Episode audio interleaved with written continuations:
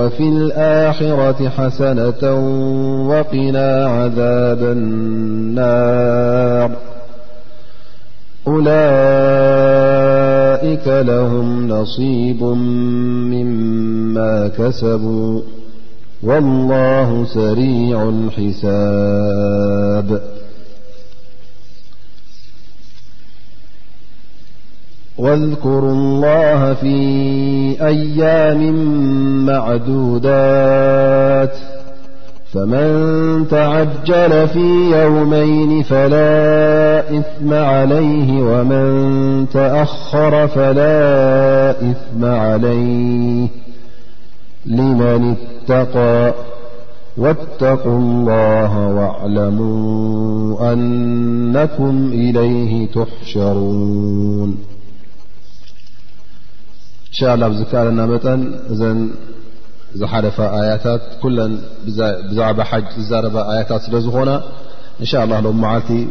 ብዝከኣልና መጠን ክንጭርሰን ክንፍትና እተዘይ ኣኺልና ግዜ ግን እንሻ ላ ዝመፅ ዘሎ ሰሙን ንምልአን ማለት እዩ ኣላ ስብሓን ወተላ ከምቲ ዝረኣናዮ ኣብ ዝሓለፋ ኣያታት ብዛዕባ ኣሕካም ኣስያም ከምኡ ውን ብዛዕባ ናይ ጅሃድ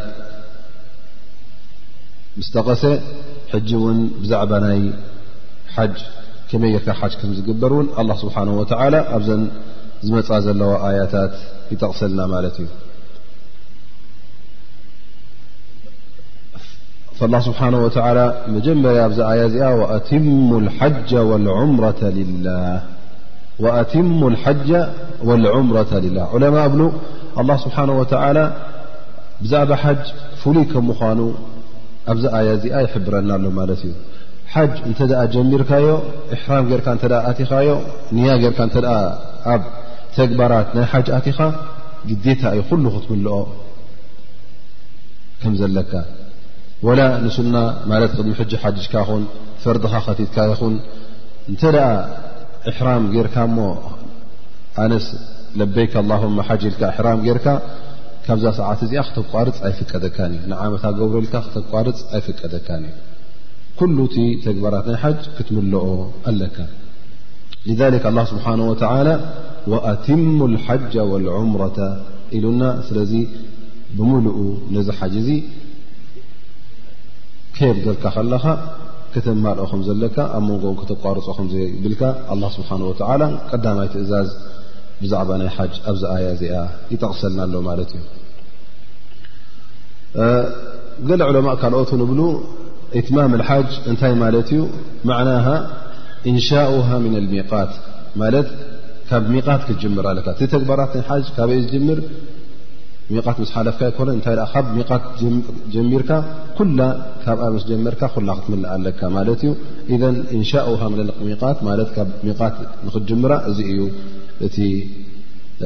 ወኣቲሙ ሓጃ ማለት ይብሉ ذሊክ ኣላ ስብሓን ወተላ ድሕሪኣ እንታይ ይብል ፈኢን ኣሕሲርቱም እንተ ደኣ ነዚ ሓጅ እዙ ክትምልዎ እንተዘይከኣልኩም ከ ኣብ መንጎ ገለ ሽግር ተጓነፈኸ እንታይ እዩ መፍትሒኡ ን እዚ ጉዳይ እዚ እውን ነቢና ሙሓመድ ለ ላሁ ለ ወሰለም ኣጓኒፎም እዩ ንዑምራ ክገብሩ ኢሎም ኣብ መበል ሻዱሻ ዓመት ናይ ሂጅራ ኣላ ስብሓን ወተላ ብዘርኣዮም ብሕልሚ ዝረኣይዎ ክሕጅጁ ምስ ረኣይዋ ነብሶም ዑምራ ክገብሩ ምስ ረኣይዋ ነብሶም ነቶም ኣሓብ ነቶም ብፆቶም ኣስሓቦም ነቶም ኣስሓቦም እንታይ ይብለዎም እንሻ ላ ዑምራ ክንገብር ኢና ኣነ ከም ዝኣመሰል ውሓይ መፅእኑ ኣሎሞኒ ዑምራ ክንገብር ኢና ኢሎም ንዑምራ ተበጊሶም ኣብ መበል ሻዱሻ ዓመት ማለት እዩ ሑደይብያ ምስ በፅሑ ኣብኡ ሙሽርኪን ሒዞማ ስለ ዝነበሩ መካ ምእታዊ ይኽልክልዎም ማለት እዩ እዚ ሕጂ ኣብቲ ግዜ ነቢና ሓመድ ስ ለ ሰለም እውን ንያ ገይሮም መፅኦም ከለዉ እሕሳር ተረኺቡ ማለት እዩ ላ ስብሓን ወተላ ፈኢን ኣሕስርቱም እንተ ደኣ ተኸልኪልኩም እንተ ደኣ ኣብ መንገዲ ጸላኢ ዓጊቱኩም እንተ ክትሓልፉ እንተ ኣብ ርእሲኡ እውን ዕለማ ካልእ ኣእትዮምሉ ማለት እዩ ጥራይ እሕሳር ክበሃል ከሎ ፀላኢ ኣጓኒፉካ ምሕላፍ ከሊኡካ ማለት ኣይኮነን እንታይ ደኣ ሕማም እንተለዉ እተ ሓሚምካ ሓጅ ክትቅፅል ዘይከኣልካ ኣብ መንገዲ ሓሚምካ እተ ተሪፍካ ወነቢይ ስለ ላ ለ ወሰለም ዝበልዎ ን ዓምሩ ኣንሳሪ ዝመፀ ሓዲ እንታይ ይብል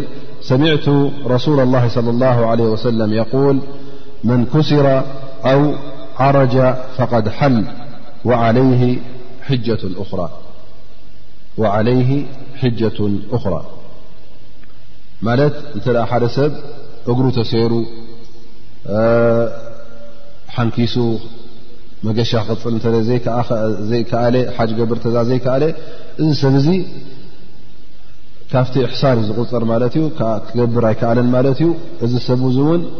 መውፅእ ኣለዎ ማለት እዩ ከምኡ ውን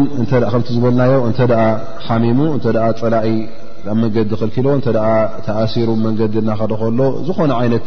ሽግር እንተ ኣጓኒፍዎ እዚ ሰብ እዚ ካብዚ ሓጅ እውን ከመይ ገይሩ ካብቲ ሕራም ኣትዎ ዝነበረ ከመይ ገይሩ ከምዝገላገል ከመይ ገይሩ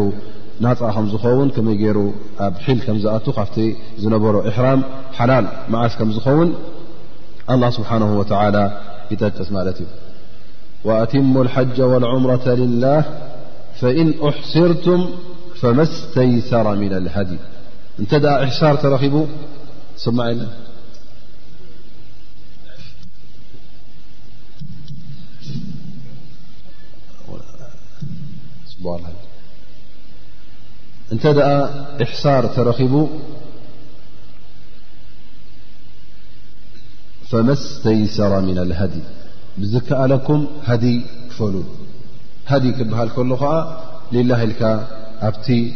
ሓረም ዝሕረድ ማለት እዩ እዚ ዝሕረ ድማ ብዝከኣለካ መጠን ፈመስተይሰራ ኣላ ስብሓን ወተላ ፈመስተይሰራ ስተይሰራ ማለት ዝቐለለልካ ሃፍታም እተ ኮይንካ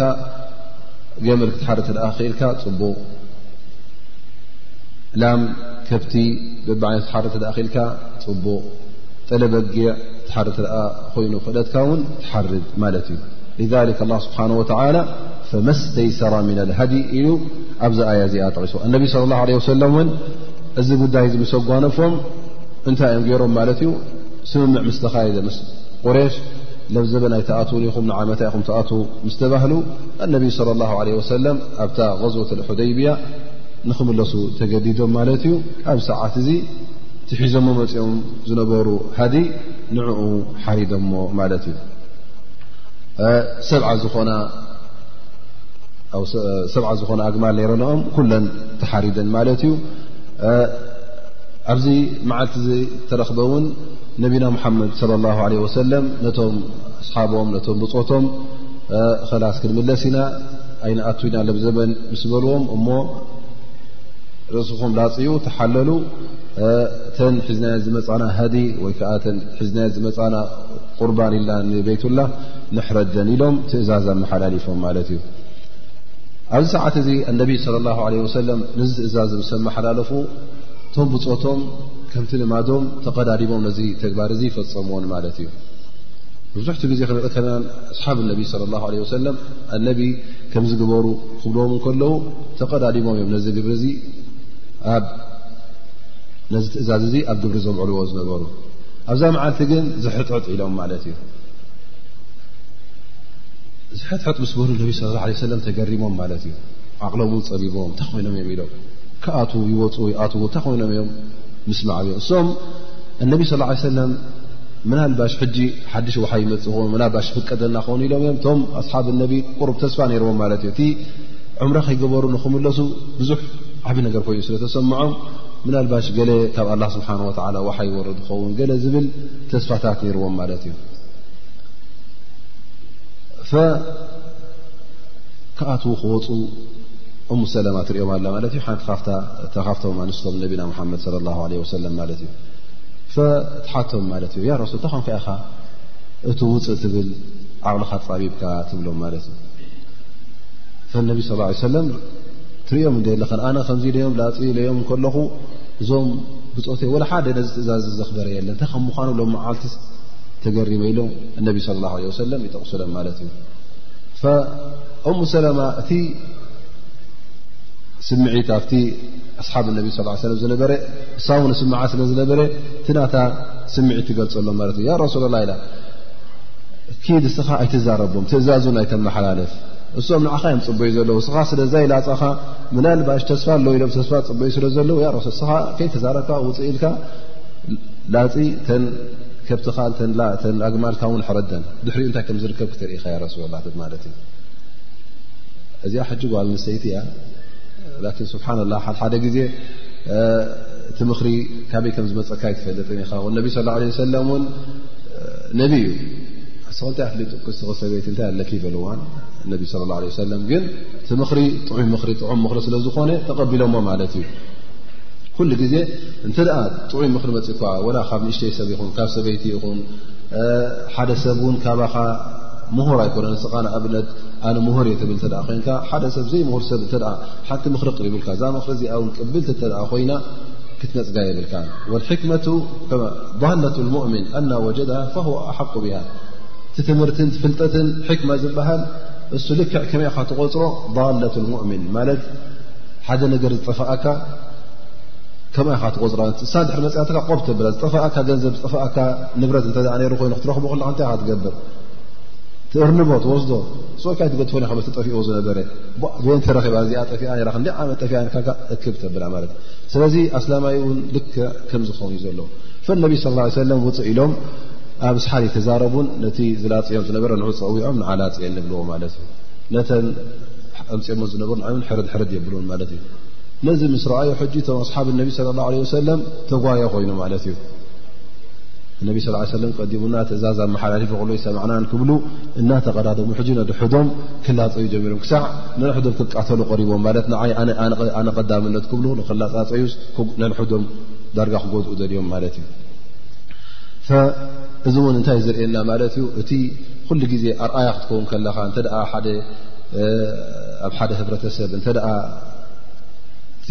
ህብረተሰብካ ዘኽብረካን ወይ ከዓ ሓደ ክቡር ሰብ ገይሩ ዝወስደካ ወይ መራሒ ቀቢላ ኮንካ ወይ ከዓ መራሒ ናይ ዕልሚ ኮንካ ወይ ከዓ ኢማም መስጊድ ኮንካ ወይ እውን ዝኾነ ዓይነት ጭቃ ዓዲ እተ ኮንካ እንተ ኣብ ቅድሚኦም ፅቡቕ ትርኢት ኣለካ ኮይኑ ወይ ከዓ ኣኽብሮት ኣሎ ኮይኑ እስኻ ኩሉ ግዜ ፅቡቕ ኣርኣያ ክትከውን ኣለካ ማለት እዩ እንተ ንሓደ ነገር ክትእዝዝ ኮንካ ብእኻ ክትጅምሮ ኣለካ ሉ ግዜ ክትጅምሮ ከለኻ ተቐባልነት ይረክብ እዩ ኣቁድወቱ ሓሰና ቁድዋ ክትከውን ከለኻ ኩሉ ግዜ ሰብ ይኽተለካ ማለት እዩ ካብዚ መዓልቲ እዚ ዝተረኺቡ ነቢ ስለ ላ ለ ሰለም በዚ ዝተዋህቦ ፍቓድ ፈመስተይሰራ ምና ልሃዲ እንተ ኣሕሲርቱም እተ ተኸልኪልኩም ፈመስተይሰራ ምና ልሃዲ ነዚ ኣቲኹሞ ዝነበርኩም እሕራም ንዕኡ ካብኡ ንክትወፁ ናፃ ንክትኮኑ ሃዲ ክፈሉ ስለ ዝበለ ኣላ ስብሓን ወተዓላ ሃዲ ከፊሎም ማለት እዩ እዚ እውን ሓደ መውፅዒ ይኮነካ ማለት እዩ ስለዚ ሓደ ሰብ እተ ከምዚ ዓይነት ኣጓኒፍዎ ካብቲ እሕራሙ ክገላገል እተ ኮይኑ ሕል ወይከዓ ናፃ ክኸውን እተ ኮይኑ ቅድሚ ናፃ ምኳኑ ክሓርድ ኣለዎ ማለት እዩ እንተ ዘይሓረደ ግን ገና ኣብ ዝባን ኣሎ እዚ እውን እኹል ኣይኮነን ንኣብነት ከምቲ ዝበልናዮ ሕጂ ሓሪድካ እውን እኹል ኣይኮነን እዛ ሓጅ ትኹን ወይዛ ዕምራ ትኹን ናይ ግድን ግዴታ ከተምፅኣ ኣለካ ማለት እዩ ሓጅ ንዓመታ ትሕጅጃ ኣለካ እዚ ዝሓረድካዮ ጥራይ ነታ ኣቲኻያ ዝነበርካ እሕራም ካብኣ ንክትገላገል ማለት ኣ እበር እቲ ሓጅ ሕጂ ወላ ሱና ነራ እተ ኮይና ሕጂ ኣበይ ትሓልፍ ማለት እዩ ኣብ ፈርዲ ኣብ ዋጅብ ብ ግዴታ ትሓልፍ ማለት እዩ ምክንያቱ እስኻ ስለ ዝጀመርካያ ዝጀመርካያ ድማ ኣብ ሓጅ ክትድምድሞን ክጭርሶን እዩ ዘለካ ካልኣይ መውፅእ እውን ኣሎ ማለት እዩ ነዚ ከምዚ ነገር እተ ዝጓነፈካ ዘፍርህ እንተ ኮይኑ ሕማም እተ ኣለካ ሞ መንገዲ ኣነስ ብናልባሽ ኣይምልእን ይኸውን ገለመታት ኢልካ ተ ሰጋእ ትብል ኮይንካ እተ ትኹነታት የፍራህካ ኮይኑ ወይ ከዓ መንገዲ ፀላእቲ ኣለዎ ሞ ኣነስ ይኸትሩ ንኾኑ ዝብል ሓሳብ እተ ኣለካ ኮይኑ ሸርቅ ትገብር ማለት እዩ ሸርቂ ንክትኣትውን ይፍቀደካ ማለት እዩ ምክንያቱ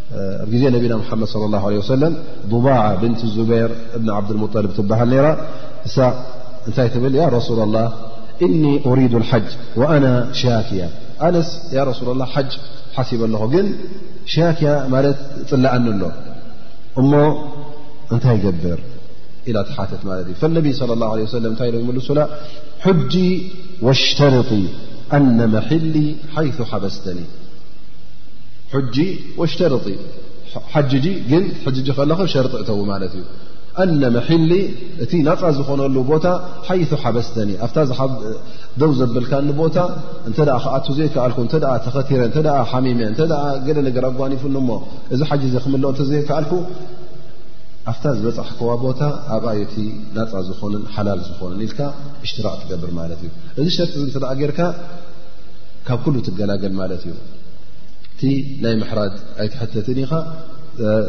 እዚ ሽግር እውን ኣይጓንፈካን ማለት እዩ ذ ሉን صሓ እሽትራጡ ፊ ሓጅ ሓጅ ክትገብር ከለኻ ሕጂ ነዚ ሸርጢ ዚ ክትኣቱ እተ ዝስግእ ኮይኑ ፅቡቕ እዩ ማለት እዩ ንኻ ካብቲ ሃዲ ዝሕረድ ካብኡ ትገላገል ማለት እዩ ፈመስተይሰራ ሃዲ ሃዲ ዝበሃል ድማ ከምቲ ዝበልናዮ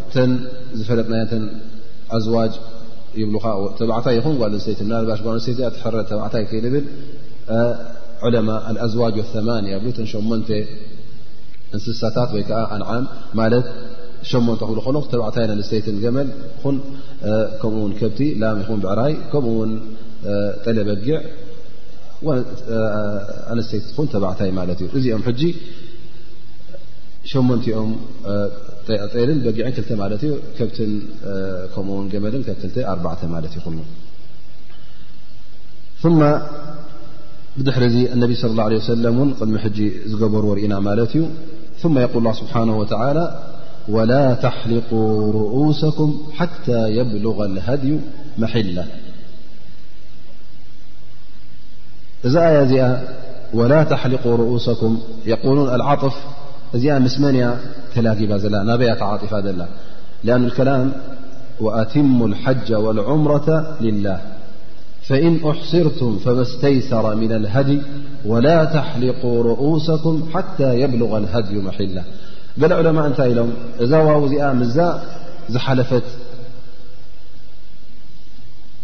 لفتإحسار بل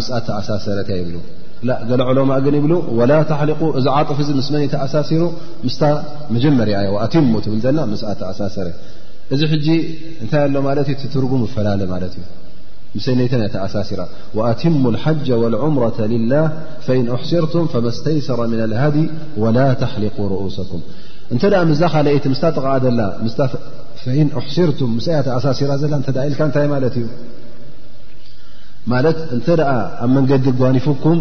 ክትሓርዱ ከለኹም ናይ ግድን ኣብቲ ሓረም ክትሓርዱ ኣለኩም ምስ ክትከውን ማለት እዩ ግን እዚ ኮነን ትትርጎም ይብሉ መዓኑ ገለ ዕለማ ከም በዓል እብኒ ጀሪር ኣጠበሪ ኣብ ተፍሲር ጠቂሶም እዮም እዚ ኮነን እዚኣ ምስ መን ያተኣሳሲራ ምስታ መጀ ኣትሙ ሓጃ ወልዑምረ ልላ ወላ ተሕሊቁ ርኡሰኩም ሓታ የብልغ ሃድዩ መለ እዚ እንተ ሓሊፍካ ማለት እዩ እሕሳር እተ ኹም እዚኣ ምስ ኣይተኣሳሰረትን ሊኣን ነቢ ስለ ላ ለ ወሰለም እቲ እሕሳር እቲ ምዕጋት ምስ ተረኽበ እንታይ እዮሙ ገይሮም ኣብቲ ዝነበሩ ቦታ ሓሪዶም እቲ ዝሓረድሉ ቦታ ሑደይብያ እውን ሓረም ኣይኮነን ስለዚ ሓታ የብልቆ መሒለሁ እንተ ደኣ ሓሊፍካ ማለት እዩ ስለዚ ምዛ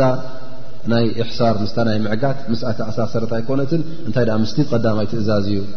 እያ ተኣሳሲራ ይብሉ ذሊክ ወላ ተሕሊቁ ርኡሰኩም ሓታ የብልغ ሃድዩ መሒላ ማለት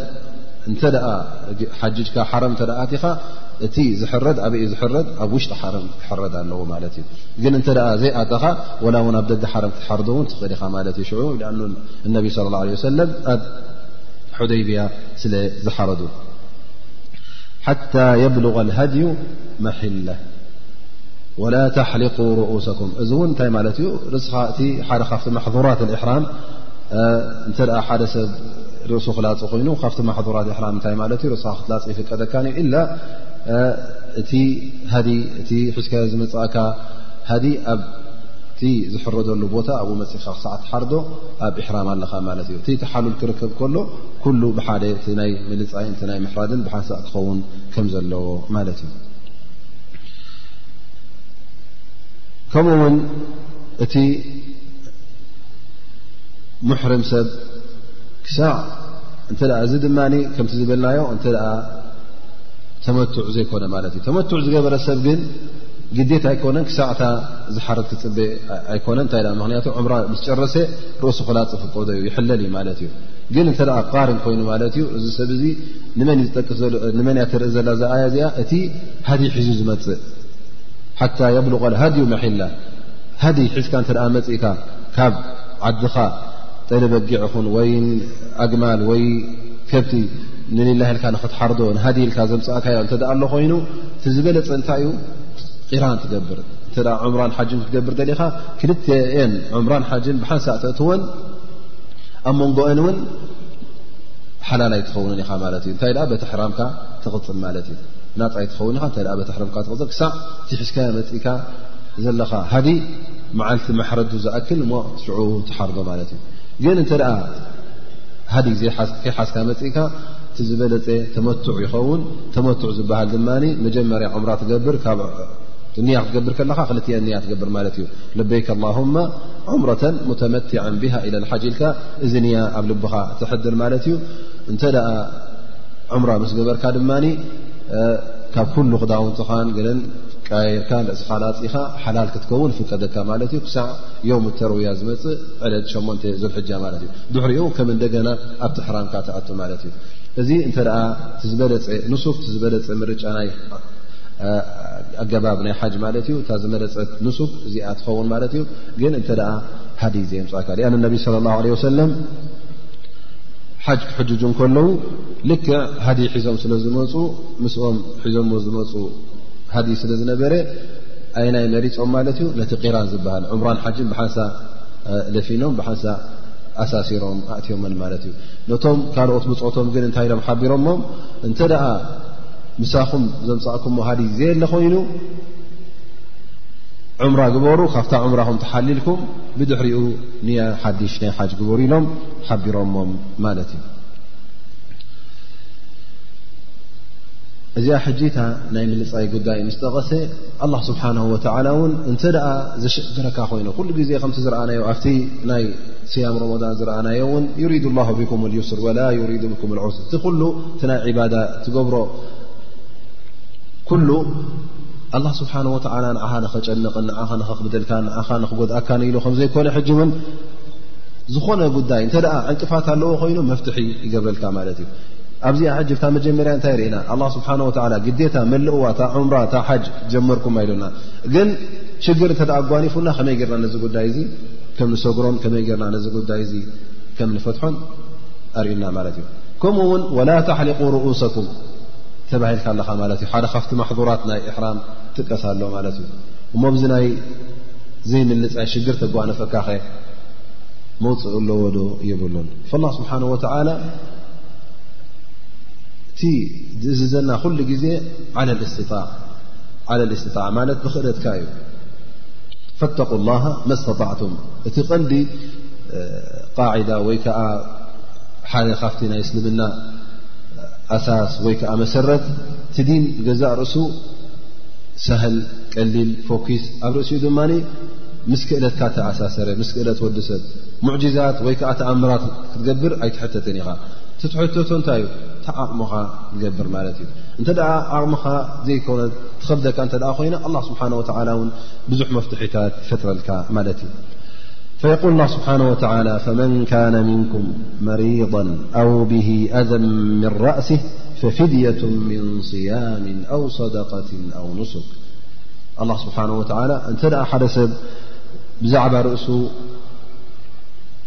ሽግር ዘጓንፎ ኮይኑ ሕማም ዘምፃሉ እተ ኮይኑ እቲ ናይ ፀጉሩ ዘይምልፃይ እዚ ሰብ እዚ እውን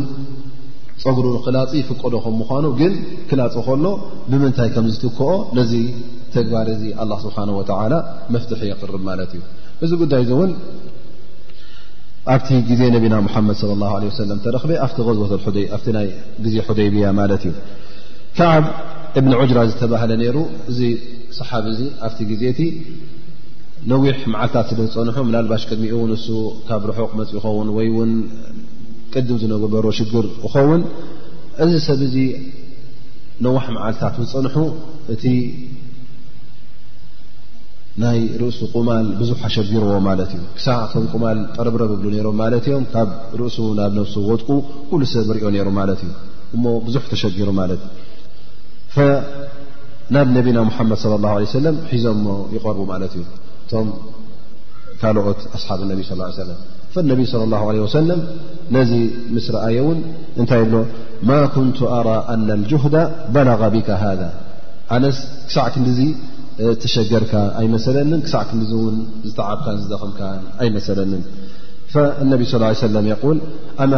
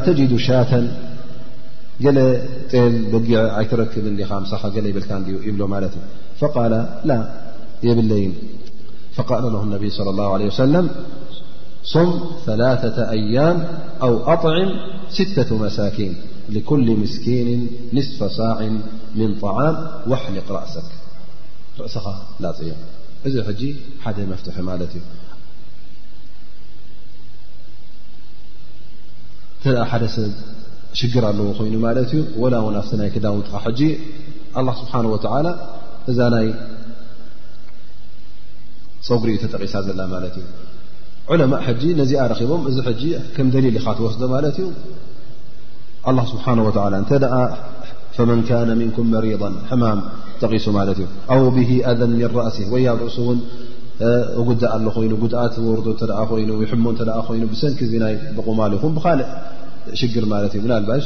ገለ ሰባት እውን እተ ጨጉሮም ነዊሑ ርእሶም ሕሞም ይኸውን ካልእ ዓይነት ሕማም ምፃሎም ፅሩሩ ብሎም ይኸውን ኣብ ርእሲኡ እውን እንታይ ኣቱ ማለት እዩ እንተ ምናልባሽ እዚ ንእሕራም ኢልካ ኢልካ ትክደኖ ክዳን ዝሸግረካ እንተ ኮይኑ እሞ ኣሎ ሰባት ከምዚ ናይ ቆርበት ሕማም እተ ኣለዎ ኮይኑ እሞ ፍሉይ ክዳን እተ ዘይተኸደነ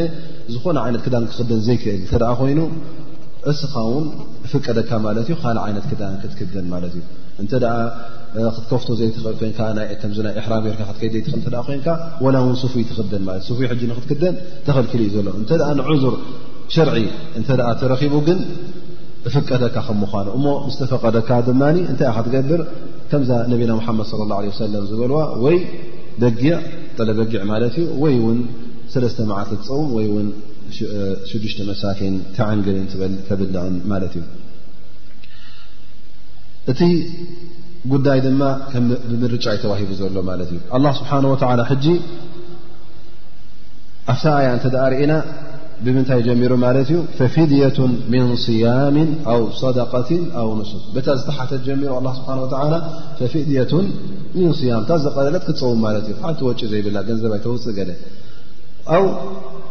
ናበይ ሰደቃ ኣው ንሱክ ወይ ከዓ ምሕራድ ማለት እዩ በይነማ ነቢ صለ ላه ለ ወሰለም በየን ጀሚሮም ኣፍታ ሓዲ ዝረኣናያ በታ ዓባይ ጀሚሮም ማለት እዩ ፈለፍዝ ቁርን ሩኽሳ ስለ ዝነበረ እቲ ሩኽሳቲ ሕጂ በየን ጀሚሮምዎ በቲ ቀሊል ቀሊል ካብቲ ቀሊል ናፍቲ ዓብ ናፍቲ ዓብ በይነማ ኣነቢ صለ ላه ለ ወሰለም ንካዕብ ንዑጅራ ክዛረቡ ከለዉ በቲ ዝበለፀ ጀሚሮምዎ ማለት ይብል ኣክበር እቲ ዝበለፀ ሕጂ እተ ነዚ ክገብር ኮንካ እታ ዝበለፀ ዝዓበየ ኣጅር ትረክበላ ጥረ በጊዕ ክትሓረድ ከለካ ማለት እዩ እንተ እሳ ዘይተረከበት ናበይ ትወርድ ማለት እዩ ናብታ ኢጣዓም ወልዑለማ የቁሉን ዝኾነት ባዳ ዝኾነት ተግባር ናይ ባዳ ትገብሮ እዛ ካነ ነፍዑሁ ሙተዓድየን ጥቕምናቱ ተመሓላላፊ እተ ኮይኑ ጥራይ ንዓኻ ዘይኮነ ሞ ንካልእ እተ ኮይኑ ኩሉ ግዜ እሱ ብሉፅ እዩ ሊክ ኣልጣዓም መፅእ ማለት እዩ ሰደቃ ክትህብ ከለኻ ኣ ሰደቃ ክትህብ ከለኻ እቲ ነፍዒ ናቱ ጠቕሚ ናቱ ንመን እዩ ንኻል እዩ ነፍ ተዓዲ ስያም ግን ንመን ጠቕማ ንስኻ ፅምካ ነቲ መስኪን እንታይ ይጠቕሞ ወላ ሓንቲ ይጠቕሞን እዩ እታ ሳሕ ስያም ንሌላ ክትገብራ ኣለኻ ነብፅኻ ኣጅሪ ክትረክበና እያ ልበኻ ትንፅሃላ ኣለኻ ተግባርካ ምስ ኣላ ስብሓን ወላ ተኣሳሰር ኣሎ ግን መስኪን ሓንቲ ይተረኸበ ፈነፍዕ ሙተዓዲ ዳእመን እቲ ጥቕሙ ተመሓላላፊ ዝኾኑ ይብል ዑለማ እሱ ዝበለፀ ይኸውን ፈነቢ ለ ላ ለ ሰለም ንካዕብ ንዑጅራ ክሕብርዎ ከለዉ በቲ ዝበለፀ ጀሚሮም እሞስ እንተ ዘይረኸብካኸ ናብቲ ሓደ ተመሓላለፍ ንሱ እተዘየለ ድማ ናብቲ ሓደ ግን ኣልኣስሉ ፊ ኣልእክትያር መርጫ ኣለካ ማለት እዩ ወላ እናረኸብካ ከለኻ ክእለት ናይ ሰደቃ እንከለካ እተ ስያም ጌርካ ምንም ሽግር የብሉን ክእለት ናይ ምሕራድ ከለካ ስያም ጌርካ ወይ ከዓ ሰደቃ እተ ሂብካ እውን ምንም ሽግር የብሉን ኣ ላ ስብሓን ወተላ ፈመን ለም የጅድ ፈመን ለም የጅድ ኢሉ ተመሓላለፈን እንታይ ደኣ ኩለን ከም ሓንቲ ገይር ጠቂስወን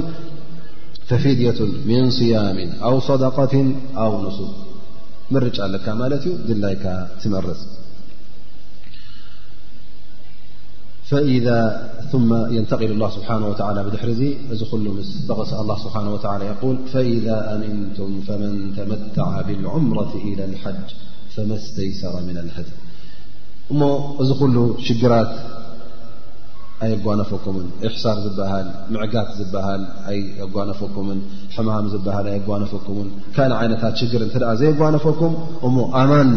ኮይኑ እቲ ሓጅኩም ከምታ ዘልዋ ከምቲ ኣላ ስብሓን ወላ ክትገብርዋ ክትምልእዋ እንተ ክኢልኩም እንታይ ገብር ሕጂ ፈመን ተመትዓ ብልዑምረት ኢላ ልሓጂ ፈመስተይሰራ ም ሃዲ እቲ ተመትዕ ዝገብር ሰብ ማለት ዑምራን ሓጅን ብሓንሳ ኣጣሚሩ ዘእትወን ወይ ቂራን ኹን ወይ ተመትዕ ቀደም ኣብቲ ኣሓዲት ክጥቀስ ከሎ ንገዛእ ርእሱቲ ተመቱዕ እቲ ቂራን ዝበሃል ተመቱዕ እዩ ዝበሃል ነይሩ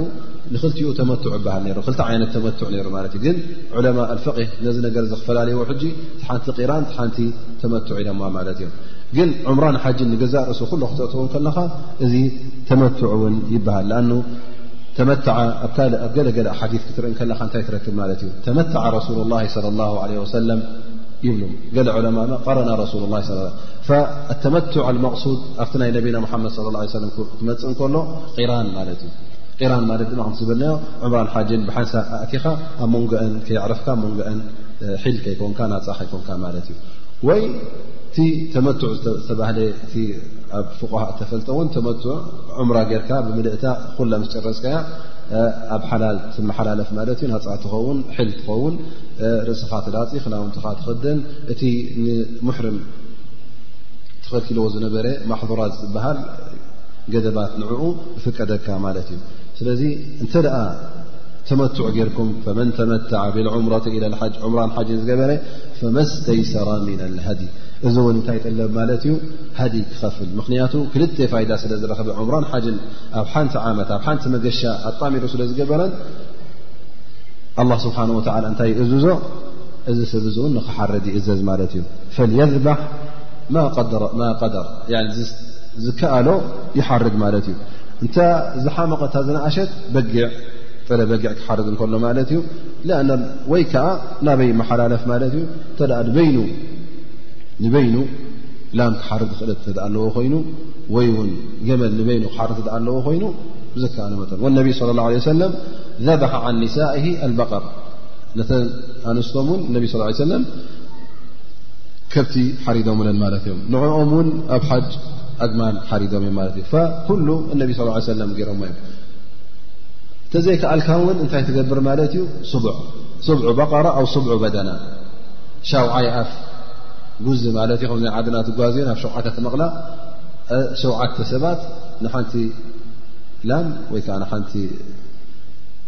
ገመል ትማቐልዋ ማለት እዩ እዚ ሕጂ ኣኺሉ ማለት እዩ ግን ኩለማ ዛድ እተ ክኢልካ ዓሰርተ ጠለ በጊዕ እተ ክትገብረ ደሊኻ ወላ ዕስራ ከብቲ ክትገብር እተ ደሊኻ እቲ ንሌላ ክፉት እዩ ማለት እዩ እታ እዚ ስቲ ክትሓርድ እዩ ብዝከኣለካ ሕረድ ይብለካ ኣሎ ዝከኣለካ ትሓርድ ሓንቲ በጊዕ ሓንቲ ጤል ትሓርድ ክኢልካ ፅቡቕ ትውስኸለን ክልተሰለስተ ትገብረን ፅቡቕ ላም ክልተሰለስተ ላም ኣርባዕተ ዓሰርተ እነቢ ስ ሰለም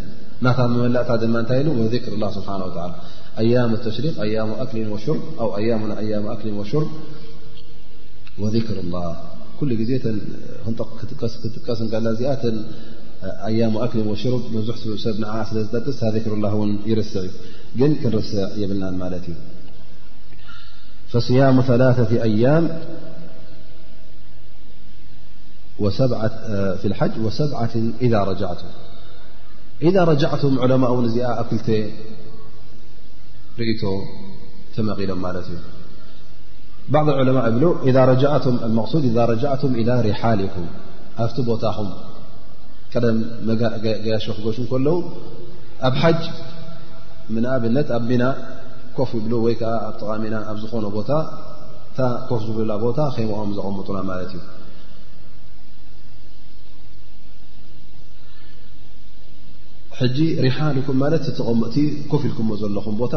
እቲ ኣቑሑትኩም ኣቐሚጥኩምሎ ዘለኹም ቦታ ማለት እዩ ፈቕ ዑለማ ኢሎም ኢዛ ረጃዕቱም ኣልመቕሱድ ኢዛ ረጃዕቱም ኢላ ሪሓልኩም ኣብቲ ቦታኹም ኣብቲ ተዕርፉሉ ቦታ ምስ ተመለስኩም ማለት ሚና ቀኒኻ ዓረፋ ቀኒኻ ሓጅ ጌርካ ሽዑ ኣብ መካ ምክ እተ ክትቅኒ ኮንካ እተ ኣብ ጥቓ መካ ትዕርፍ እተ ኮንካ ትተዕርፈሉ ቦታ ኣብኡ ትፀውም ገለ ዑለማ ግን እንታይ ይብሉ ላ ኣልመቕሱድ ንዓድኻ ምስ ተመለስካ ኢዛ ረጃዕቱም ኢላ ኣህሊኩም እዛ ንገዛኹም ንቤትኩም ናፍቲ ዓድኹም ምስ ተመለስኩም ኢላ ኣውጣኒኩም ማለት እዩ ይብሉ ማለት እዩ እዚ እውን ካብ ነቢና ሙሓመድ ለ ላ ለ ወሰለም ዝመፀ ሓዲት ኣሎ ብዝያዳ ነዚ ጉዳይ እዚ መርትዖ ዝኾኖ የቁል ነቢ ለ ላ ለ ወሰለም መን ካነ ምንኩም ኣህዳ ፈኢነሁ ላ የሕሉ ምን ሸይን ሓሩመ ዓለይህ ኣው ሓሩመ ምንሁ ሓታ يقضي ሓجة ومن لم يكن منكم أهدى فليطف بالبيت وبالصفى والمروة وليقصر وليحلق ثم ليهل بالحج فمن لم يجد هديا فليصم ثلاثة أيام في الحج وسبعة إذا رجع إلى أهله ل نبينا محمد صلى الله عليه وسلم ت فمن لم يجد هديا فليصم ثلاثا في أيام الحلت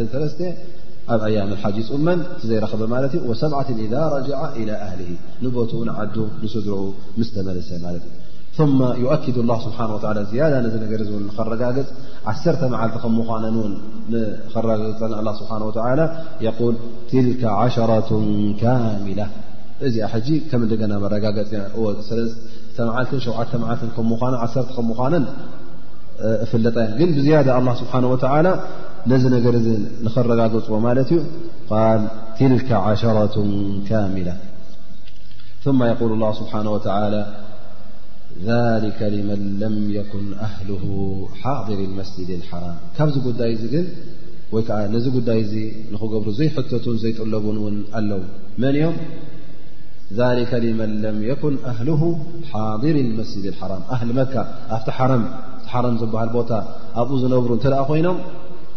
ንኽሓርዱ ኣይእዘዙን እዮም ምኽንያቱ እሶም ኣብ ሓረም ስለ ዘለዉ ተመትዕ ገይሮም ወይ ውን ቂራን ገሮም ዕምራን ሓጀን ባሓሳ ካበይ እም መፅኦም እሶም እፍታ መካ እዮም ዝቕመጡ እፍታ ሓረም እዮም ዝቕመጡ ስለዚ እሶም ብዝያዳ ዝረኸብዎ ጉዳይ የለን መን እቲ ዝዕወት ዘሎ መን ዩ ብዝያዳ ዝጥቀም ዘሎ ዕምራን ሓጅን ኣላፊኑ እቲ ካብ ርሑቕ ዓዲ ዝመፅእ ማለት እዩ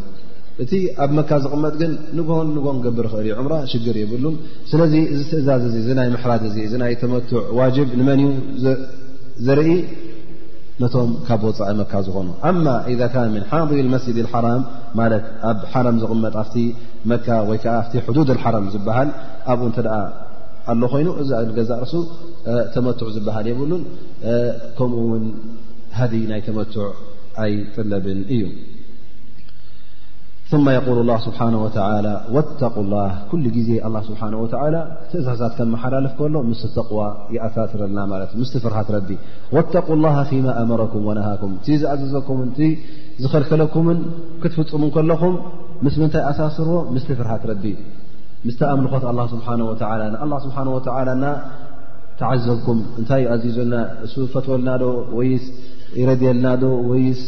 ተቆጣዓልና እናበልኩም ኩሉ ግዜ ተግባራትኩም እቲ ትእዛዛት ላ ስብሓ ወላ ክትገብሩ ከለኹምን እቲ ዝከልከለኩም ክትክልከሉ ከለኹምን ኩሉ ግዜ ካብ ምንታይ ካብ ፍርሃት ኣላ ስብሓ ወላ ተበገሱ ዋዕለሙ ኣና ላ ሸዲድ ዕቃብ ኣላ ስብሓ ወላ እውን በዓል ብርቱዕ መቕፃዕቲ እዩ ኣላ ስብሓ ወላ ዝቐፅዑ ከሎ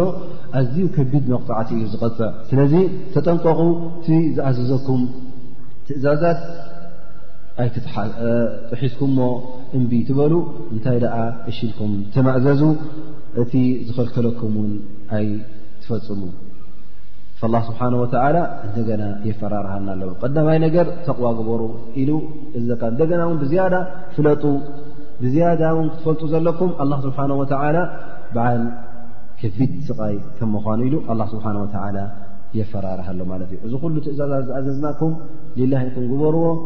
ንኣላ ስብሓን ወላ ንክፈትወልኩምን ክረድየልኩም ኢልኩም ግበርዎ ኣብ ርእሲኡ እውን ሸለልትነት ኣይተርእዩ ኣላ ስብሓን ወተላ ትፈልጥ እዩ ትገብርዎ ዘለኹም ኩሉ ይዕዘቦን ይምልከቶን ስለ ዘሎ ቆፃፀሮን ስለ ዘሎ ፅባሕ ንግሆ እውን እንተ ቀፅዓኩም ኮይኑ እቲ መቕፃዕትናቱ ኣይትኽእልዎን ኢኹም እሞ ብሸለልትነት ነቲ ትእዛዛቱ ብሸለልትነት ኣይትስገርዎ ኢሉ ኣላ ስብሓን ወተላ ይሕብረና ማለት እዩ ስብሓ ወተላ ኣልሓጅ ኣሽሁሩ ማዕሉማት ሓጅ ኣብ ድላይካ መዓልቲ ዝፍፀም ተግባር ኣይኮነን ኣብ ድላይካ ወርሒ ኣብ ድላይካ ቅነ ዝፍፀም ኣይኮነን እንታይ ደኣ ፍፁም ወይ ውሱን መዓልትታት ኣለዎ ማለት እዩ እሕራም ክትገብር እተ ኮንካ ውን ኣብ ድላይካ መዓልቲ ኮንካ ትገብር ተን ውሱናት ኣዋርሕ ኣቐኒኻ ትገብር ማለት እዩ ካብ ሎም መዓልቲ ኣነ ንሓጅ ሓሲበ ኣለኹ ኢለ እሕራም ገብር ኣይክእልን እየ ምኽንያቱ ግዜ ሓጅ ኣይኮነን ሕጂ ዑለማ እብሉ ላ የስሑ እሕራሙ ብልሓጅ ኢላ ፊ ኣሽሁር ሓጅ ኣብተ ኣዋርሒ ናይ ሓጅ እንተዘይኮይኑ ቅድሚኡ እሕራም ንሓጅ ኢልካ እሕራም ክገብር ወላ እውን ንኣብነት ቀደም ንሽዱሽተ ወርሒ ዝኣክል ጉዕዞ ዝጓዓዙ ነይሮም ይኾኑ ሽዱሽተ ወርሒ ኣጓዓዝ ሞኒ እሕራም ገብር ኣለዎ ምስ ተበገሰ ክንብል ኣይንኽእልን ኢና ምኽንያቱ እቲ ግዜ እቲ ኣዋርሕ ናይ ሓጅ ስለ ዘይኣኸለ ላ ስብሓን ወተላ ውሱን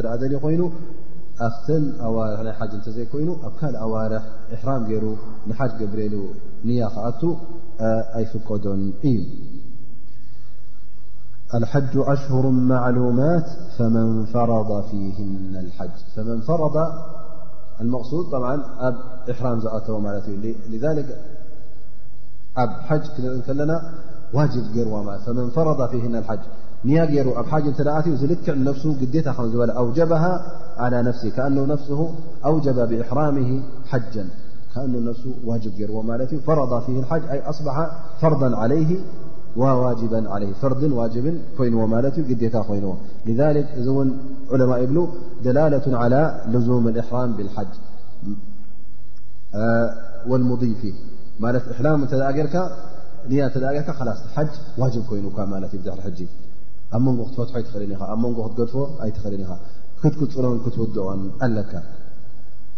ذ ዑለማ እዚ ፈመን ፈረض ፊ ንይ ኣልዘማ ነፍሶ ነፍስኻ ሕጂ ላስ ኣቲኻ ማለት እዩ ልክዕ ከም ዝመብፅዓ ጌርካ ማለት እዩ ልክዕ ሓጅ ጥራይ እውን ኣይኮነን ዕምራ ውን ምስ ኣእትውት እያ ኩሉ ግዜ ዕምራን ሓጅን ብሓንሳ ኢና ሓደ ዓይነት ፍርዲ ወይ ከዓ ሓደ ዓይነት ውሳነ እዩ ዘለዎን ፈመን ፈረض ፊህና ሓጅ ገይሩ እተ ኣትዩ እተ ሰብ እዚ ነይቱ የል ላ ስብሓን ላ ፈመን ፈረض ፊህና ሓጅ ፈላ ረፈث ወላ ፍሱቅ ወላ ጅዳል ፊ ሓጅ ቀዳማይ ነገር ፈላ ረፈት ረፈት መቅሱድ ብሂ ዕለማ ኣብሉ ኣልጅማዕ ማለት ስጋዊ ርክብ ይፍፃም ማለት እዩ ስለዚ ኣብ እሕራም እተ ኣለካ ኮንካ ፈፂሙ ስጋዊ ርክብ ንክትፍፅም ኣይፍቀደካን እዩ ጥራይ ንክትፍፅሞ እውን ኣይኮነን ከምኡውን ዕለማ ኣብሉ ዝኾነ ይኹን ኣብኡ ዝደፋፍኣካ ነገር ክትቀርብ የብልካ ብዘረባ ይኹን ብምትንኸኻፍ ይኹን ብካልእ ተግባራት ስምዒትካ ዘንቀሳቕስ ምስ ስድራ ቤትካ ይኹን ወይ እውን ዓቕዲ ንመርዓ ንከም ዝኣማሰለ እውን ክትዛረብ የብልካ ወላ እውን ብዘረባ ንመፃኢ ንኣብነ እተ ሰበይትካ ክትዛረብ ከለኻ ሓላል ምስ ኮና ሕራምና መስወዳእና ክመፃኪ ገታ ዝብል እዚ እውን ክትዛረብ የብልካ ወላ ንዳሕራይ ንዝኸውን ነገር እተ ኮይኑ ኣብዚ ዘረባ እዚውን ክትኣት የብልካን ذ ኣብ ናይ ሓጅ ብጣዕሚ ኣዝዩ እዚ ናይ ጉዳይ ናይ ስጋዊ ርክብ ብፍፃም ከቢድ እዩ ማለት እዩ ذ እተ ሓደ ሰብ ስጋዊ ርክብ ፈፂሙ ኣብ እሕራም እንከሎ እታ ሓጅ ኩላ ትበንን ማለት እዩ ጥራይ እዚ እውን ኣይኮነን ንዓመታ ንኸቀድያ ይግደድ ጥራይ እዚ እውን ኣይኮነን ኣብ ርእሲኡ እውን በደና ወይ ከዓ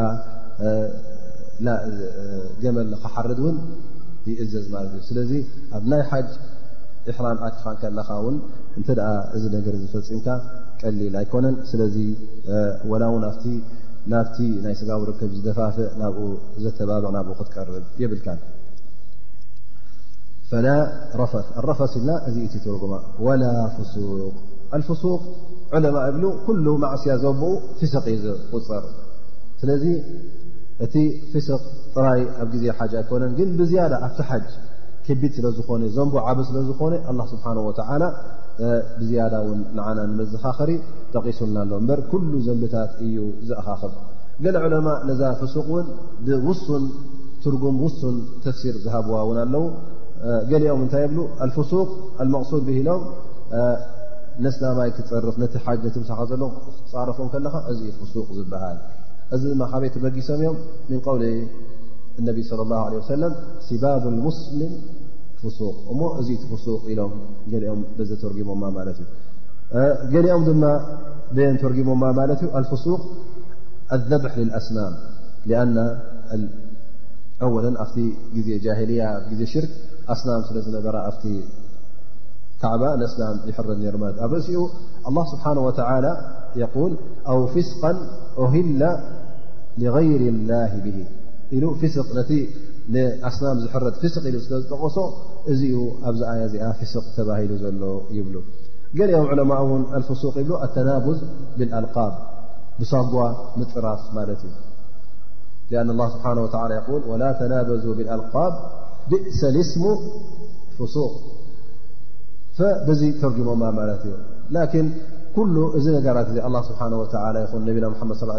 ሰለም እዚ ኩሉ እከይ ተግባር ዘብኡ ኩሉ ፍሱቅ ፍሱቅ ኢሉ ተጠቂሱ ኣብ ብዙሕ ቦታ ስለ ዘሎ ፈሊማዛ ስለምንታይ ነዛ ፍስቅ እዚኣ ኣብዛ ናይ ሓጅ ዘላ ኣብ ሓደ ቦታ ወይ ከዓ ኣብ ሓደ ትርጉም ጥራይ ንኣስራን ኣብ ሓደ ትርጉም ጥራይ ንዓግታን ይብሉ እንታይ ደኣ እቲ ዓብ ትርጉማት ሰፊሕ ትርጉማ ንህባ ፍሱቅ ዝበሃል ኩሉ ኣላ ስብሓን ወላ ዘይፈትዎ እከይ ተግባር ዘብ ፅርፊ ይኹን ምበኣስ ይኹን ካልእ ዓይነት ተግባር ይኹን ኩሉ ኮታ ኣብ ኣላ ስብሓን ወተላ ዘይረድዮን ዘይፈትዎን ኣብዚ ግዜ ሓጅ እሕራም ኢልካ እንተ ኣቲኻ ሕጂ እስኻ እንታይ ኢኻ ጌርካ ዘለ ኩሉ ክዳውንትኻ ቀንጢጥካ ኩሉ ሃብትኻ ገዲፍካ ብድሕሬኻ ንኣላ ስብሓን ወተላ ተበጊሰ ኢልካ እሞ ያ ኣላ ልክዕ ከምታ ኣብታ ቀብሪ ዝኣትወላ መዓልቲ ከምኣ መሲለ ቀሪበካ ኣለኹ እናበልካ ከለኻ ሕጂ ኣብዚ ሰዓት እዚ ከመይ ጌርካ እዚ ነቲ ሓጅካ ዝነክእን ነቲ ተግባራት ናይ ሓጅ ዘበላሽወልካን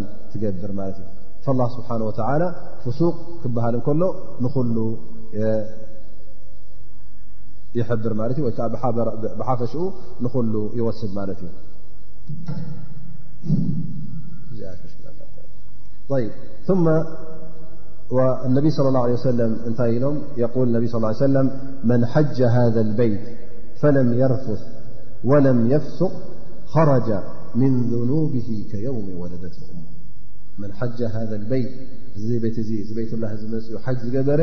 ፈለም የርፉት ረፈስ ከም ዝበልናዮ ስጋ ወርክብ ማለት እዩ እዚ ጉዳይ ዘይፈፀመን ወለም የፍሱቕ ከምኡ ውን ዝኾነ ይኹን ኣላ ስብሓን ወላ ዘይፈትዎ ተግባር ዘይገበረን እንታይ ይኸውን ኸረጃ ምን ኑብ ካብቲ ኩሉ ዘንብታቱ ልክዕ ከምታ ኣዲኡ ዝወለደትሉ መዓልቲ ኮይኑ ይወፅእ ማለት እዩ ኸረጀ ምን ذኑብ ከየውሚ ወለደት ህፃን ንፁህ ወላ ሓንቲ ዘንቢ ዘይብልካ ቁፀሩ ክንደይ ዘንቢ ከዓ ደሪብካ ዘለካ ሕጂ እሞ እስኻ ኣርባዕተ ሓሙሽተ መዓልቲ ሰብሪ ምግባር ስእንካ ኣርባዕተ ሓሙሽተ መዓልቲ ሰብሪ ምግባር ክትስእን ከለኻ ፈፂምካ ውን ር ዳርጋ እቲ ርሲ ትረቦ ወይከዓ ኣዝዩ ውሒዱካ ኣሎ ማለት እዩ እሰንተን መዓልትታት እንተነዋሓ ሰሙን ክልተ ሰሙን ኣብኡ እየን እሞ ኣብዘን ክልተ ሰሙን ነዛ ነብስኻ ሒዝካ እቲ ኩሉ ሕማቕ ነገር ዝለመድካ ካብኡ ርሕዕካ ካብኡ ተጠንቂቕካ ክትሐልፍ ከለኻ ብሓቂ ናብ ኣላ ስብሓ ወ ክትውጃህ ከለኻ ኣላ ስብሓ ወ እውን የቃልለልካ እዩ እቲ ብድሕሪ ሓጅ እውን እቲ ብድሕሪ ሓጅ ዝመፅ ዘሎ ቅንታት ውን ግዜያትን ኣላ ስብሓ ወ እውን እንተ ብሓቂ ታ ሓጅ ተቐቢልካ ኮይኑ ካብቲ ኩሉ ሕማቕ ተግባራት ትገብሩ ነበርካ ቅድሚ ሓጅ እውን ካብኡ ከገላግለካ እዩ ባ እተ ኢልካ ኣላ ስብሓን ወላ እንተ ደኣ ሙሉእ ልብኻን ሙሉእ ኣቃልቦኻን ቀሪብካ እሞ ልብኻ ኣንፅህካ ተባ እንተ ኢልካ ኣላ ስብሓን ወላ እውን ይቕበለልካ እዩ ስለዚ እታ ነፍሲ ልክ ከምታ ተወለደትና መዓልቲ ኮይና ፀርያ ነፅሃን ክትወፅእ ኣብዘን መዓልታት ናይ ሓጅ ሓደ ሰብሲ ክጥንቀቕን ክግደስን ይግብኦ ማለት እዩ ወላ ጅዳላ ፊ ልሓጅ ጅዳል ክበሃል ከሎ ከዓ ክትዕ ማለት እዩ ነንሕዝካ ክትካታዕን ትዛረብን ዘየድሊ ዘረባ ኹን ወይ ውን ዘድሊ ኮይኑ ውን ግን ሱቕኢልካ ኣብ ምስሕሓብን ኣብ ባእስን ዘብፅሕ ዘረባ እተ ኮይኑ እዚ ዘረባ እዚ ትዛረብልካ ካብዚ ጉዳይ እዚ ክትርሕቕ ኣለካ የል እብኒ ጀሪር ን ዓብዱላ ብን መስዑድ ጅዳል ማለት እንታይ እዩ የል ኣንቱማሪ ሳሒበካ ሓታ ትቕዲባ ማለት ምስ ብፃይካ ትሰሓሓብ ማለት እዩ ብዘረባ ክሳዕ መዓስ ክሳዕ ተኾርዮ ማለት እዩ ክሳዕ ዝቑጣዕ ወይ ስኻትውቀጦ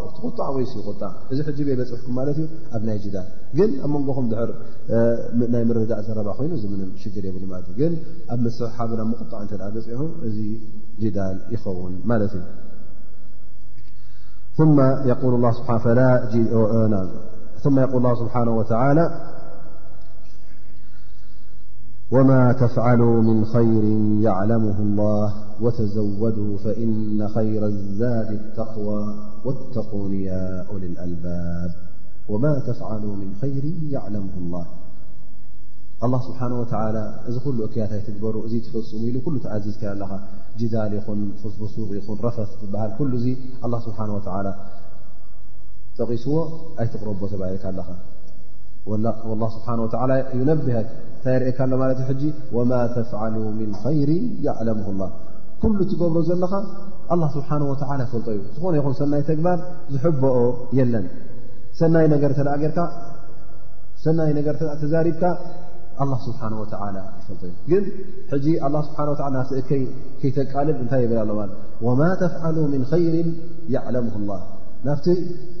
ሰናይ ነገር ከተቃልብ ኢሉ ኳ እዩ ብዝያዳ ድማ ናብኡ ሃንቀውታ ንክትገብር ሓስ ደፍዕ ምትብባዕ ማለት እዩ ሕጂ ኣላ ስብሓን ወተላ እቲ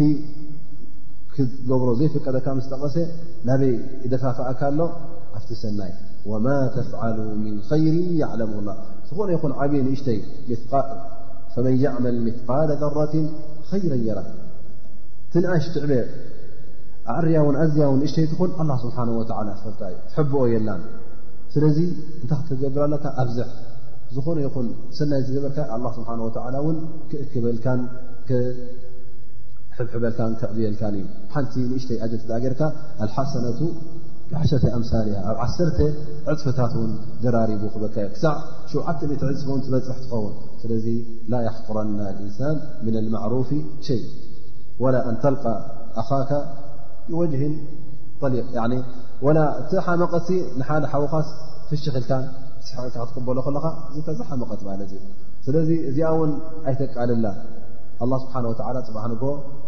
ኣብቲ ፀብፃብ ፅሒፍዋ ክፀንሕ ማለት እዩ ከፅንሓልካ እዩ ስለዚ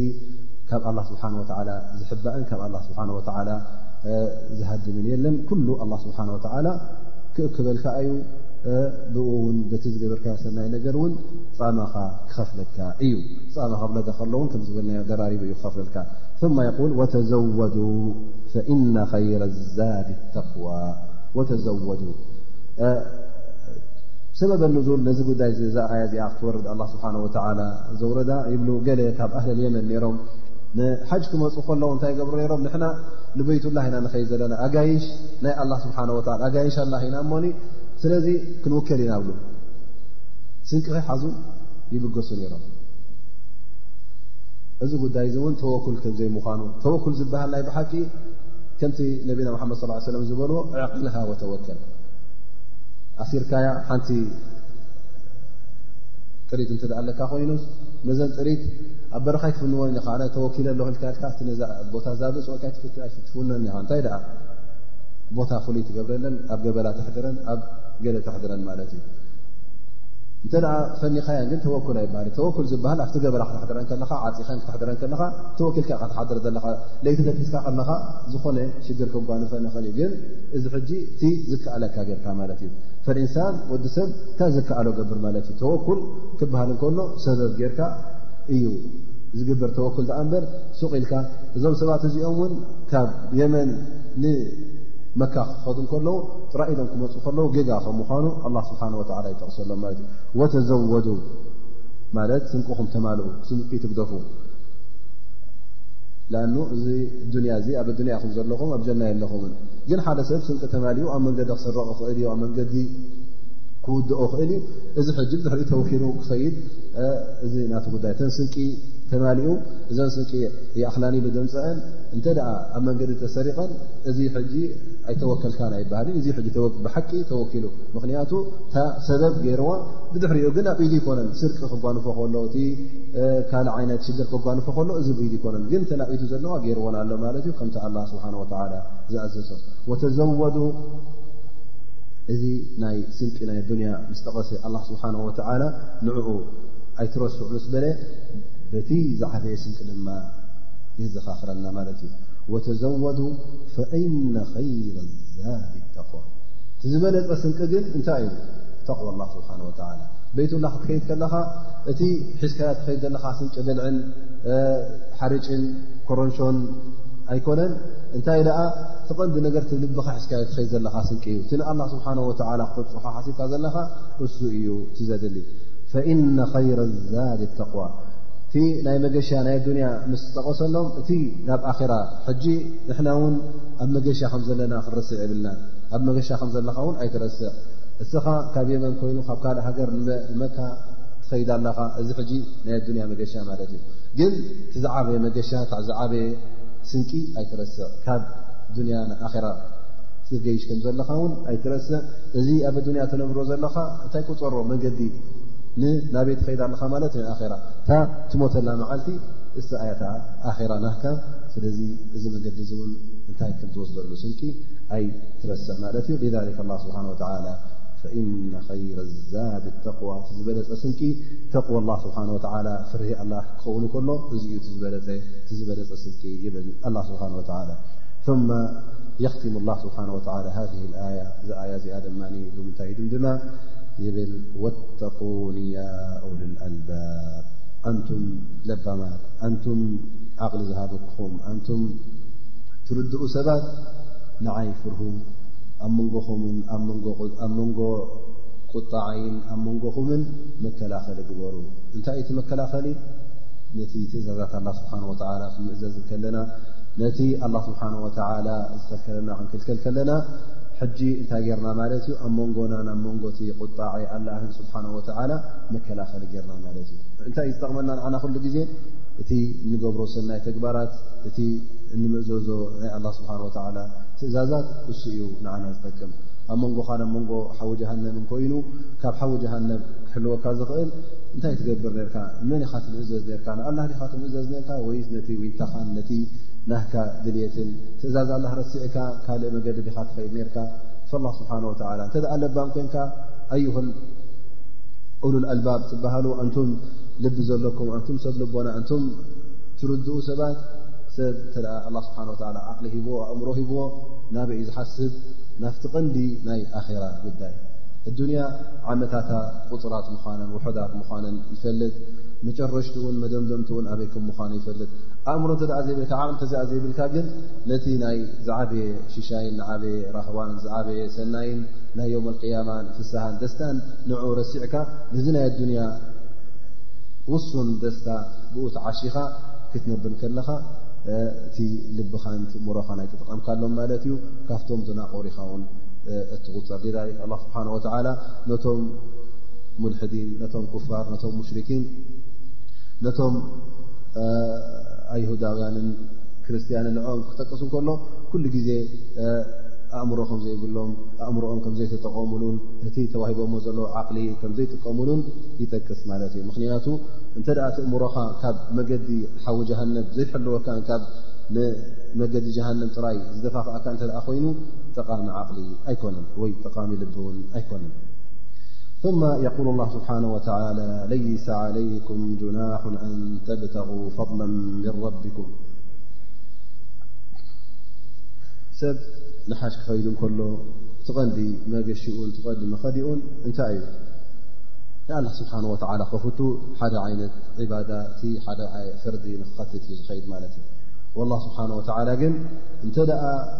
ኣብዚ ሓጅ እዚ ሓጅ እናገበርኩም ከለኹም ካልእ ናይ ኣዱንያ ነገር ናይ ኣዱንያ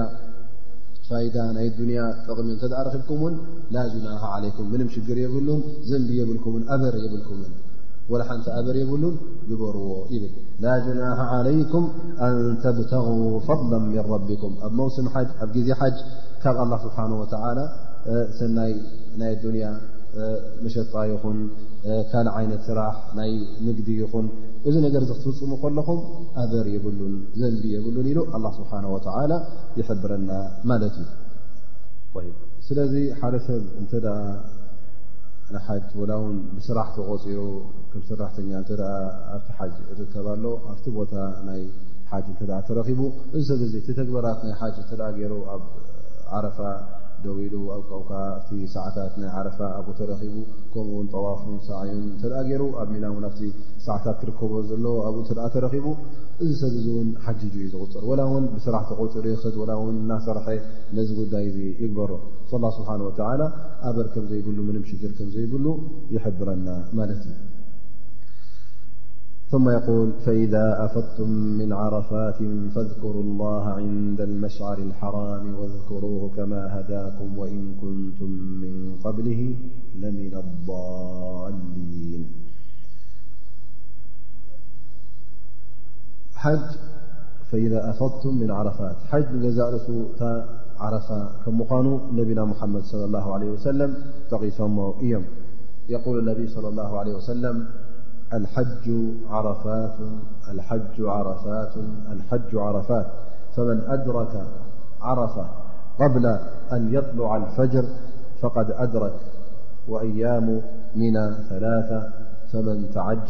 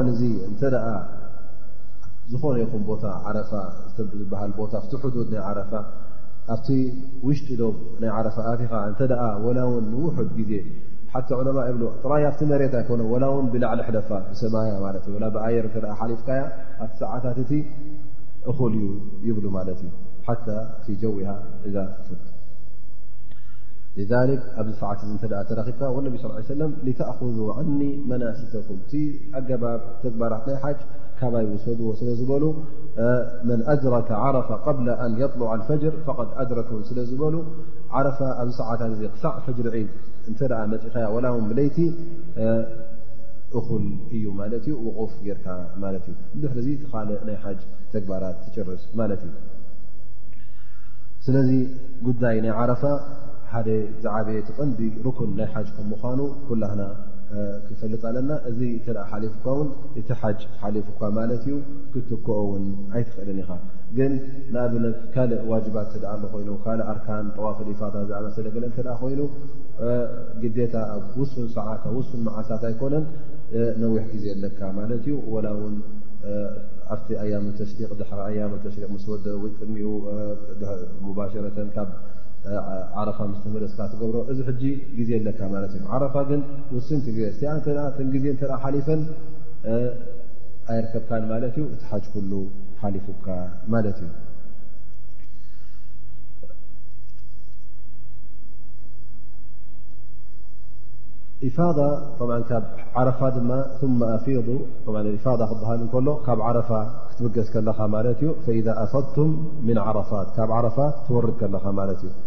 ኢፋዳ ካብ ዓረፋ ወይዓ ዓረፋ ከይድ ከ ክልተ ኢፋዳ ኣለማ ዩ ሓደ ንዓረፋ ትኸድ ዳሕራይ ካብ ዓረፋ ውን ትምለስ ኢኻ ማለት እዩ ኣብ ግዜ ጃሂልያ ጠ እንታይ ገብሩ ነይሮም ካብ ዓረፋ ክወፁ እንተ ኮይኖም ጌና ፀሓይ ከይ ዓረበት ክወፁ ነይሮም ማለት እዩ ወቅት ኢፋዳ ዓረፋ ኣያም ጃሂልያ ና ቲ ፀሓይ ዕርብ ክትዓርብ ቀርብ ከላ ድሕሪ ዓስሪ ማለት እዩ ገለ እቲ ፀሓይ ገና ኣብቲ ጎቦታት እናተረኣየ ከሎ ይወፁ ነይሮም ማለት እዩ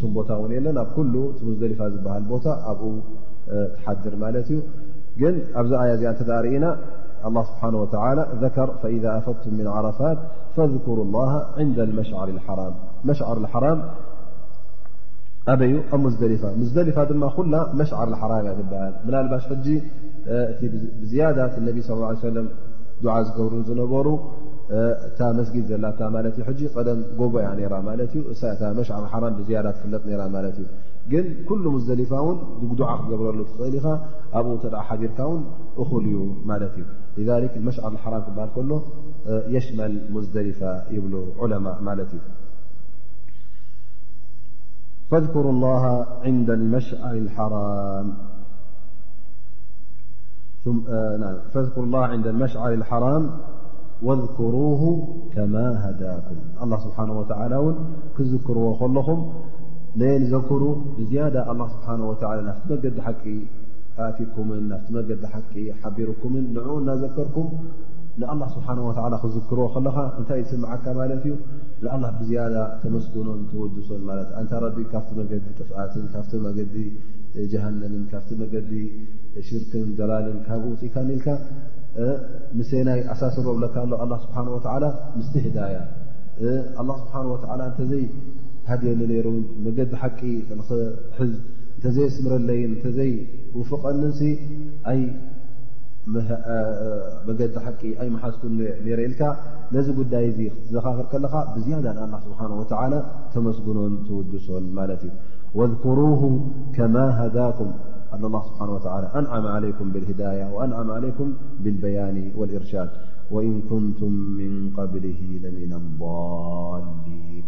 ቅድሚ ኣላ ስብሓን ወላ መገዲ ሓቂ ምሕባሩ ቅድሚ ነቢና ሓመድ ለ ላ ለ ሰለም መልኣኽ እውን ኣበይ ኢኹም ነርኩም ኣብቲ ጥፍኣት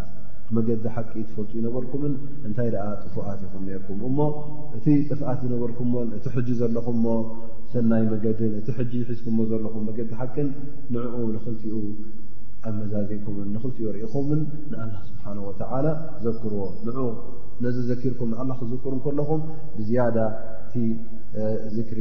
ክዓብን እቲ ዝክሪ ድማ ብዝያዳ ስምዒት ዘለዎ ዝክሪ ክኸውን እዩ ኢሉ ኣላ ስብሓን ወተዓላ ነቶም ሑጃጅ ነቶም ሙእምኒን የዘኻኸሮም ኣሎ ማለት እዩ ገና እቲ ኣያታት ሎም መዓልቲ ክንውድኦ ይንክእልና እንሻ ላ ኣብዚ ብ ዘሎ ሰሙን ንውድኦ ከምቲ ኣመልና እንታይ ንገብር ማለት እዩ እንሻ ላ ገለ ገለ ፋይዳ ሒዝናዮ ዘለና ወይ ከዓ ገለ ሰብ ክሓትት እተ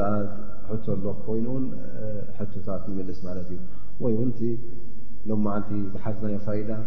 ብዛዕባኡ እተተዛረብና ሓብ ሓንቲ ፋይዳ እተምፃእና እንሻ ላ ነቲ ሕዝናዮ ዘለና ኣብ ሓንጎልና ብዝያዳ መዘኻኸር ኸውን ማለት እዩ ክንጅምር ኣለና በቲ ዝበለፅ ክንጅምር ኣለና እሞ እቲ ኢማናስ ድኹም ክኸውን የብሉን እሞ ስብሓን ወተዓላ ካብ ኣፍቀደልና ኢልካ ራዕ ኢልካ ታሕቲ ኣብቲ ዝተሓተ ክንወርድ የብልና እንታይ ደኣ ከምቲ ነቢና ሙሓመድ ስለ ላ ለ ወሰለም ንካዕብ ንዑጅራ በታ ዝበለፀ ዝጀመሩሉ ንሕና እውን እቲ ኣተኮሮና ኣበይ ክኸውን ኣለዎ ኣብቲ ዝበለፀ እንተ ደኣ ንዑ ዘይከኣልና ኣብቲ ዝተሓተ ዝተሓተ ንኸይድ ማለት ወላ እውን ምርጫ ንከለና እንተ ደኣ ስለስተ ኣርባዕተ ምርጫ ተዋሂብና ነቲ ዓዚማ ነቲ ዝበለፀ ምርጫ ነቲ ብዝያዳ ፍቶት ኣላ ንሪዳ ኣላ ንረኽበሉ ናብኡ ክን ንሕዝ ኣለና ይብል ማለት እዩ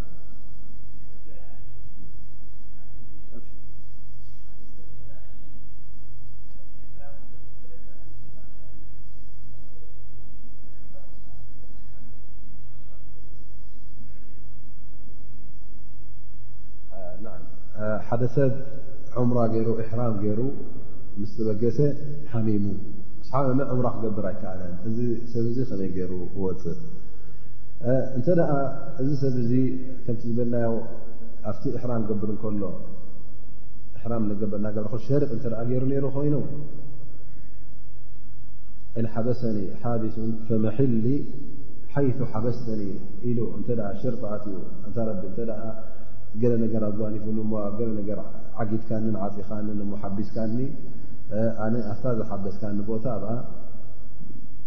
ሓበሰ ንሓብስ ልክዕ ከምዚ ማሕቡስ ማለት ማሕቡስ እንታይ ማለት እዩ ተሓይሩ ማለት እዩ ምንቅስቓስ ዘይብላ ማለት እዩ ስለዚ እንተ ተሓይርካ ክትገብር ዘይከኣልካ ኢልካ እተ ሸርጢ ኣቲኻ ኣብታ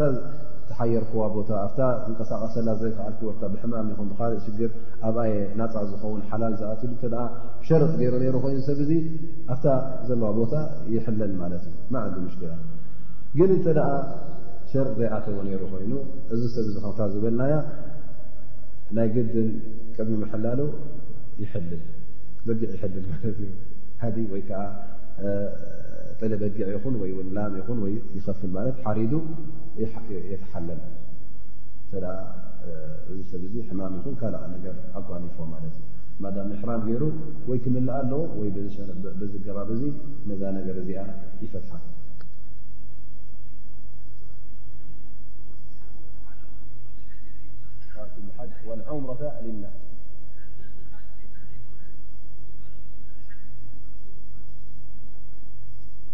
أي نعم وأتم الحج والعمرة لله م زيازس لله كلك الله سبحانه وتعالى هل نخالق زجبر حج الود الأصل ن الله زجبرت حج ن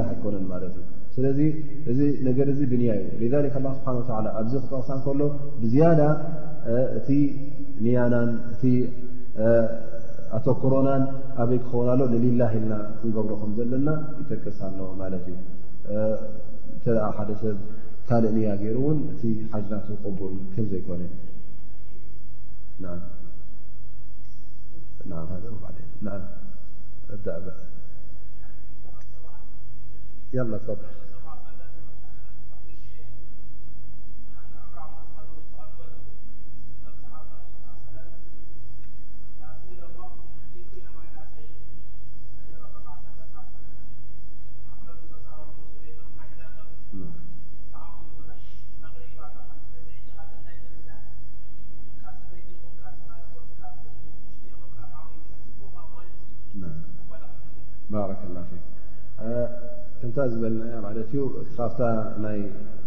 ነቢ صለ ላه ለ ሰለም ምስ ቤቶም እተረክበት ጉዳይ እሞ እቲ ዝሃብኦም ምኽሪ ተቐቢሎም ሕራይሎም ነቲ ምኽሪቲ ግብሪ ምሰውዓልዎ ካብዚኣ እንታይ ተማሂርና ዝመፀና ምኽሪ ካብ ዓብ ይኹን ካብ ንእሽተይ ካብ ሰበይቲ ይኹን ካብ ሰብኣይ ካብ ኩሉ ቅቡል ምኽሪ እንተ ኮይኑ ክንቅበሎ ከም ዘለና ማለት እዩ ምኽሪ ሰበይቲ ኢልካ ክልፀግ ከም ዘይብሉ ማለት እዩ ጓልንሰይቲ ምናልባሽ ሓድ ሓደ ግዜ ርእቶናታ ውን ካብ ናካ ዝበለፀን ክኸውን ይኽእል እዩ ክንደይ ደቂ ኣንስትዮ እውን ኣለዋ ካብ ክንደይ ሰብኡት ዝምረፃ ማለት እዩ ብርእቶ ንኹና ብካልእ ሓሳብን ብዲነን ብዙሕ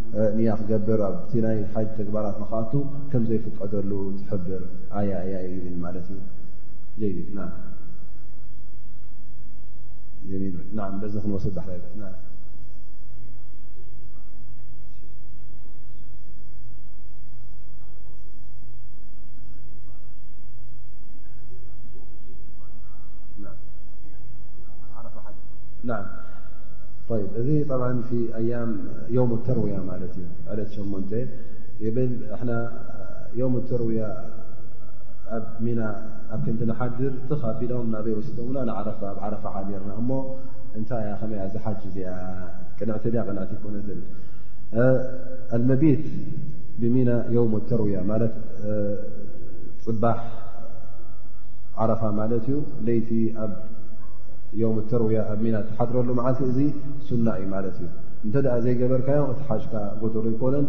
ንዕኡ ውን ብምሕራድ ብገለ ምትካ ኣየድልየካን እዩ ስለዚ እቲ ሱና ኣብ ዮውም ተርውያ ዙህርን ዓስርን መቕሪብን ኣልዕሻን ፈጅርን ክትሰግድ እዚ ዝበለፀ ማለት እዩ ዮም ተማንያ ክሳዕ ፀሓይ ትበርቕ ናይ ዮም ዓረፋ እዚ ዝበለፀ ግን እተ ተኽኢሉ ውን ተካቢሎም ዓረፋ ወሲዶምኻ ወይከዓ ተካቢሎም ኢልካ ናብኡ ዓረፋ እተ ከትካ ምንም ሽግር የብሉን ሰሒሕ እቲ ኣጅሪ ከምቲ ኣብ ሚና ዝሓደረ ኣይኮነልካን እዩ ግን ሓጅካ ሙሉእ እዩ ጎደሎ ኣይኮነን ገለገለ ሰባት ንያ ኣለዎ ምኮኑ ክሓድሩ ንክብብሉ ላኪን ግን ሓሓደ ግዜ ምስ ሓምላ ምስም ኣውቶቡስ ምስ ኣሳሰሩ ንበይኑ ክዶ ትኸውን ኣይትኽእልን ኢኻ ንበይኑ ክወርዳ ይ ዓዲ ዘይፈለ ስለዝኾነ እዚ ሽግር ስለ ዘሎ እንሻ ላ ነቲ ንኦምን ረቢ ኣጅሪ ከትበሎም እንሻ ላ